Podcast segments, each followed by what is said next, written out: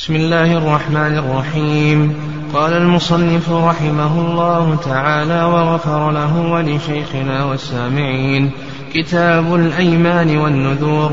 عن عبد الرحمن بن سمرة رضي الله عنه قال قال رسول الله صلى الله عليه وسلم يا عبد الرحمن بن سمرة لا تسأل الإمارة فإنك إن أعطيتها عن مسألة وكلت إليها وإن أعطيتها عن غير مسألة أعنت عليها وإذا حلفت على يمين فرأيت غيرها خيرا منها. فكفر عن يمينك وأت الذي هو خير. وعن أبي موسى رضي الله عنه قال قال رسول الله صلى الله عليه وسلم إني والله إن شاء الله لا أحلف على يمين فأرى غيرها خيرا منها فأرى غيرها خيرا منها إلا أتيت الذي هو خير وتحللتها. وعن عمر بن الخطاب رضي الله عنه قال قال رسول الله صلى الله عليه وسلم إن الله ينهاكم أن تحلفوا بآبائكم ولمسلم فمن كان حالفا فليحلف بالله أو ليصمت. وفي رواية قال عمر فوالله ما حلفت بها منذ سمعت رسول الله صلى الله عليه وسلم ينهى عنها ذاكرا ولا آثرا. بسم الله الرحمن الرحيم. الحمد لله رب العالمين. والصلاة والسلام على نبينا محمد وعلى آله وصحبه أجمعين. ثم قال المؤلف رحمه الله تعالى كتاب الأيمان والنذور. الأيمان جمع يمين في اللغة الحلف واليمين تطلق على معان منها الحلف والقسم منها القوة منها اليد الجارحة إلى آخره. وأما في الاصطلاح فهو تأكيد الأمر بذكر اسم من أسماء الله أو صفة من صفاته. والنذور جمع نذر والنذر في اللغة الإيجاب. وأما في الاصطلاح فهو إيجاب مكلف على نفسه عبادة غير واجبة إيجاب مكلف على نفسه عبادة غير واجبة والأدلة على النذر واليمين القرآن والسنة والإجماع كما سيأتينا إن شاء الله. قال المؤلف رحمه الله عن عبد الرحمن بن سمرة قال قال رسول الله صلى الله عليه وسلم يا عبد الرحمن بن سمرة لا تسأل الإمارة. الولاية لا تسأل الولاية. نهي عن سؤال الولايات. فإنك إن أعطيتها عن مسألة وكلت إليها يعني إذا توليت هذه الإمارة عن طريق المسألة فإنك ستوكل إلى جهدك وضعفك. توكل إلى جهدك وضعفك. وإن أعطيتها من غير مسألة أعنت عليها. يعني عانك الله عز وجل عليها. عانك الله عز وجل. وإذا حلفت على يمين فرأيت غيرها خيرا منها فكفر عن يمينك يعني أخرج الكفارة وأت الذي هو خير. هذا الحديث اشتمل على مسائل. من هذه المسائل النهي عن سؤال الإمارة الولايات. والعلماء رحمهم الله ينصون على الكراهة. نعم ينصون على الكراهة. نعم آه ففيه النهي عن سؤال الولايات. يستثنى من ذلك ما إذا قامت المصلحة. إذا قامت المصلحة وعرف الإنسان من نفسه المصلحة في ذلك.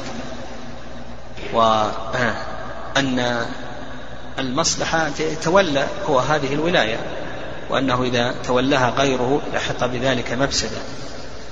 فإن هذا جائز ويدل لذلك قول يوسف عليه السلام اجعلني على خزائن الأرض إني حفيظ عليم. وكذلك أيضا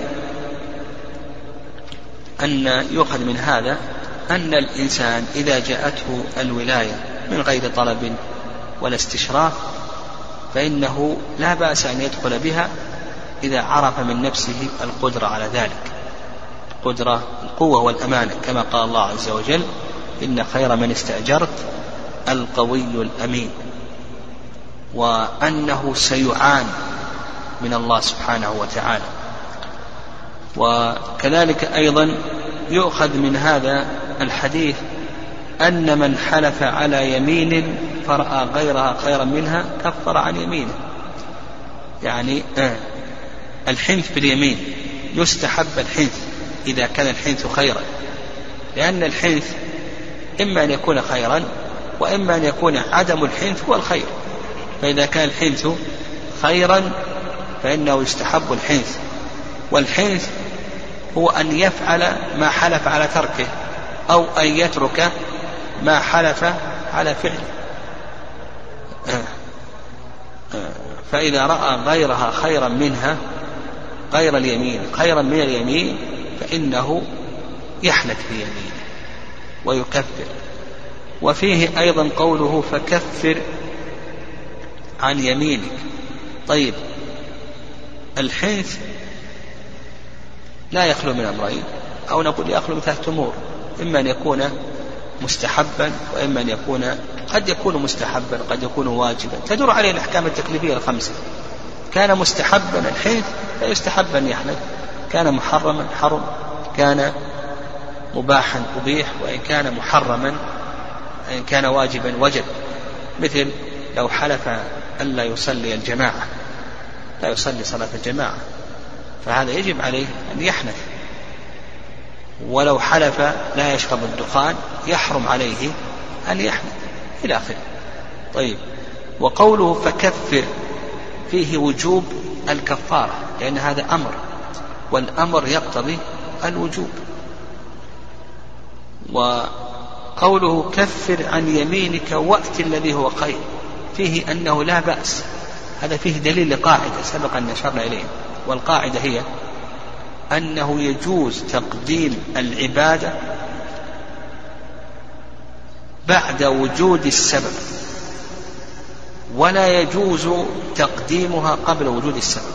هنا الآن وجد سببها وهو, وهو اليمين. فلا بأس أن يكفر يخرج الكفارة مع أنه مع أن الكفارة حتى الآن لم تجب. الكفارة حتى الآن لم تجب.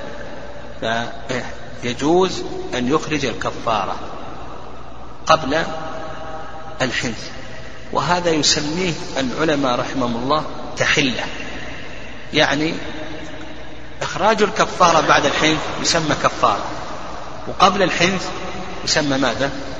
تحلة يعني أنت حلفت أنت والله أني لا والله إني لا أكلم زيدا. قبل أن تكلم أردت أن تحلف. تخرج الكفارة هذا يسمى تحلة. ويدل لذلك قول الله عز وجل يا أيها النبي لم تحرم ما أحل الله لك؟ تبتغي مرضات أزواجك والله غفور رحيم. قد فرض الله لكم تحلة أيمانكم. إخراج الكفارة قبل الحنث هذا يسمى تحلة وفيه أنه يجوز إخراج الكفارة قبل الحنث وهذا قول الجمهور خلاف الحنفية رحمهم الله تعالى.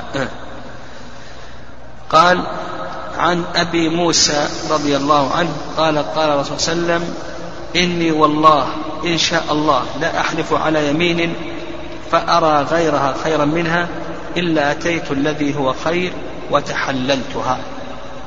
نعم. وقوله في الحديث إن شاء الله فيه تعليق اليمين بالمشيئة وهذا مستحب. نعم مستحب أن تعلق يمينك بالمشيئة. ويدل لهذا قول الله عز وجل ولا تقولن لشيء إني فاعل ذلك غدا إلا أن يشاء الله. وتعليق اليمين والنذر بالمشيئة أو الطلاق أو نحو ذلك هذا فيه فائدتان مهمتان فيه فائدتان مهمتان.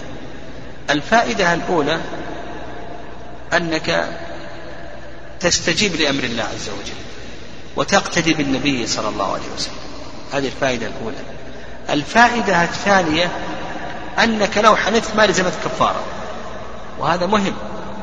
يعني مثلا لو قال والله إن شاء الله لا أسافر لي ثم بدأ له أن يسافر يسافر ولا شيء عليه. لو قال لله علي نذر إن شاء الله أن أعتمر في رمضان ثم ذلك ما اعتمر ما ليس عليه شيء. ولو قال لزوجته أنت طالق إن شاء الله ها؟ لا يقع عليه الطلاق. فالفائدة الثانية أنك إذا علقت بالمشيئة نعم إذا علقت بالمشيئة ثم ذلك حنثت ما يترتب عليك شيء. وهذه فائدة مهمة نعم هذه فائدة مهمة نعم. فنقول التعليق بالمشيئة مهم جدا. ينبغي أن نعلق بالمشيئة في أمور المستقبل نعم في أمور المستقبل. وسبق أن تكلمنا متى يعلق بالمشيئة ومتى لا يعلق بالمشيئة في صحيح مسلم.